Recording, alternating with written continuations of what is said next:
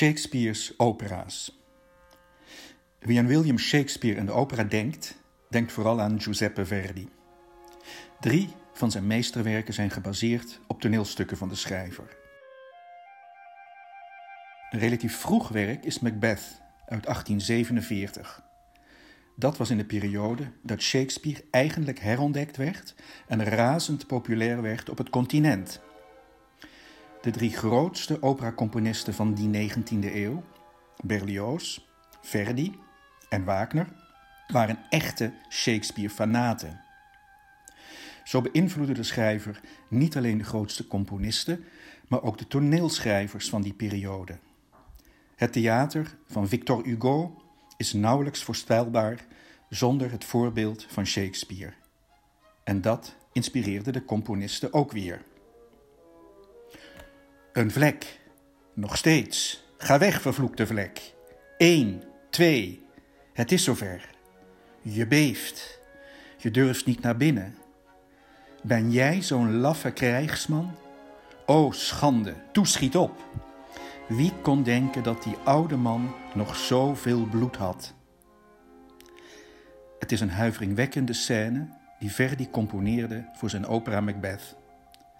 Met een met schuldgevoel verstikte stem, wat de componist lelijk gezongen wilde hebben, slaapwandelt Lady Macbeth in haar eigen nachtmerrie, waarin zij het mensenbloed niet van haar handen gewassen krijgt.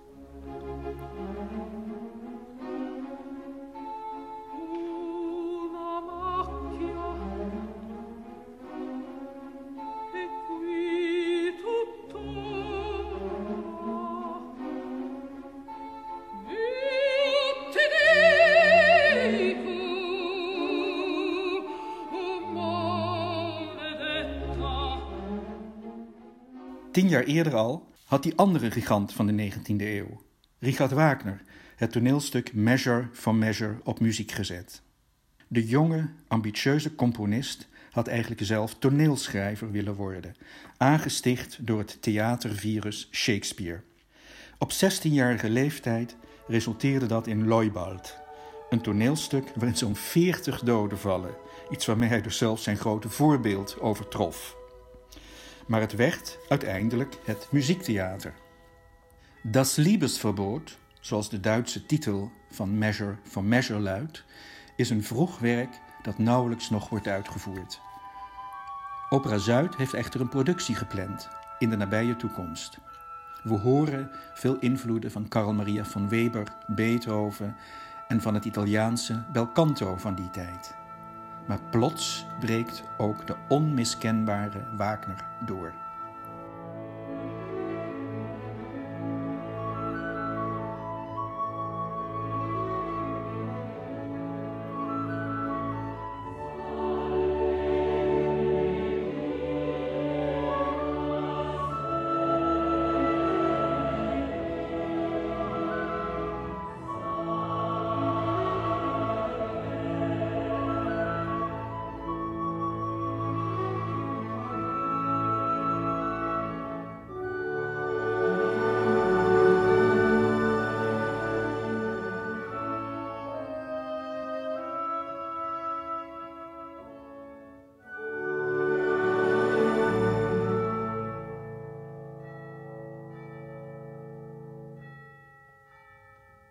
Giuseppe Verdi zelf was na zijn Macbeth nog lang niet klaar met William Shakespeare.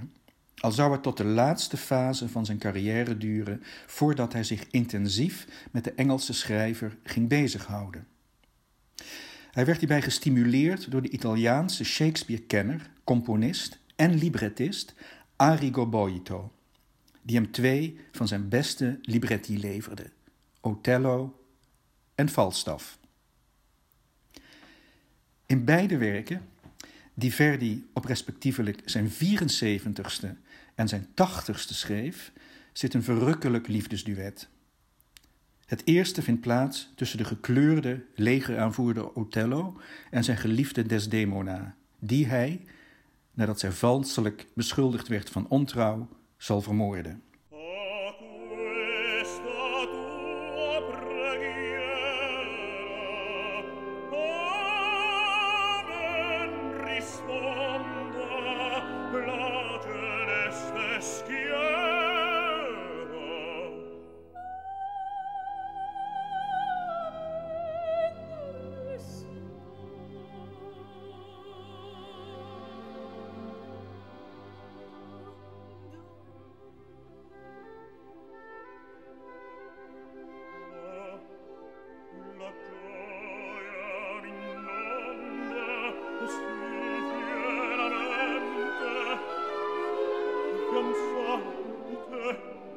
mi giaccio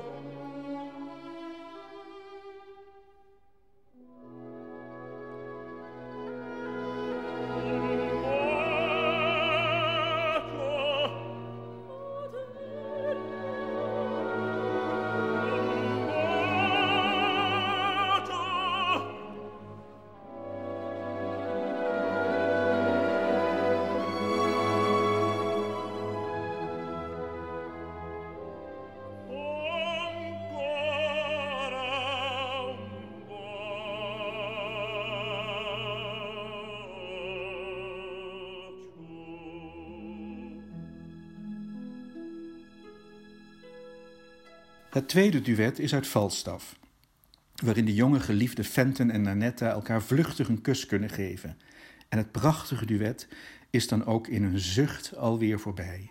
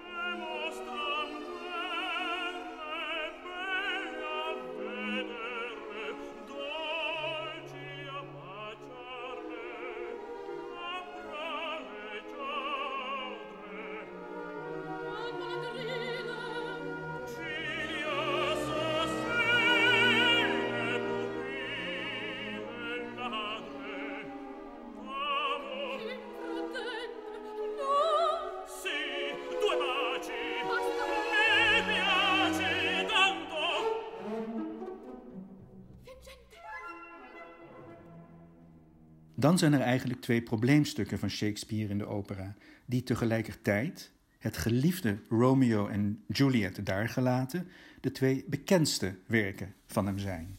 Hamlet, over de machteloze koningszoon die zijn vermoorde vader wil wreken, maar niet tegen zijn moeder en stiefvader kan opstaan. En King Lear, de vorst die op zijn oude dag de verkeerde beslissingen neemt. Zijn leven lang probeerde Verdi vergeefs om King Lear op muziek te zetten. Het werd bijna een obsessie voor hem en voor zijn veronderstelde eigen falen. Hamlet was eveneens een probleemstuk. De diepgang, complexiteit en betekenisvolle gelaagdheid liet zich eigenlijk niet in een opera libretto persen. Filosofie op muziek was niet echt favoriet bij componisten en publiek. Niemand wilde er zijn vingers aan branden. Totdat de Franse componist Ambroise Thomas de handschoen oppakte en er in 1868 een succesvolle versie van maakte. De opera is vol bijzondere scènes met prachtige momenten voor de bariton Hamlet.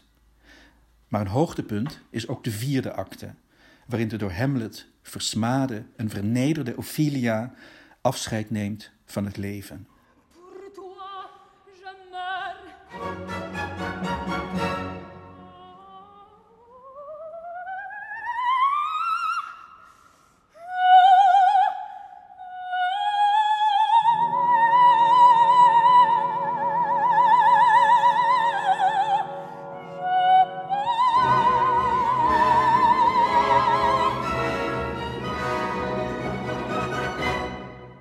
Is zoveel meer. Beatrice et Benedict van Berlioz. Romeo en Juliette van Berlioz. En van Gounod. En Bellini. En Prokofjev. The Tempest van Frank Martin. Lear van Aribert Reimann. En een nieuwe Hamlet van Brad Dean. Tot de fantasievolle verbeelding van veel componisten sprak ook het bitterzoete sprookjesstuk A Midsummer Night's Dream waarin de liefde op alle mogelijke manieren wordt belicht. Henry Purcell en Felix Mendelssohn gingen Benjamin Britten voor, maar vooral die laatste schreef een ontroerend muzikaal meesterwerk op het kleurrijke verhaal van Oberon en de tragicomische elfenkoningin Titania, die met de in een ezel getransformeerde wever Bottom het bed zal delen. Shakespeare's verbeeldingskracht is oneindig. Oh.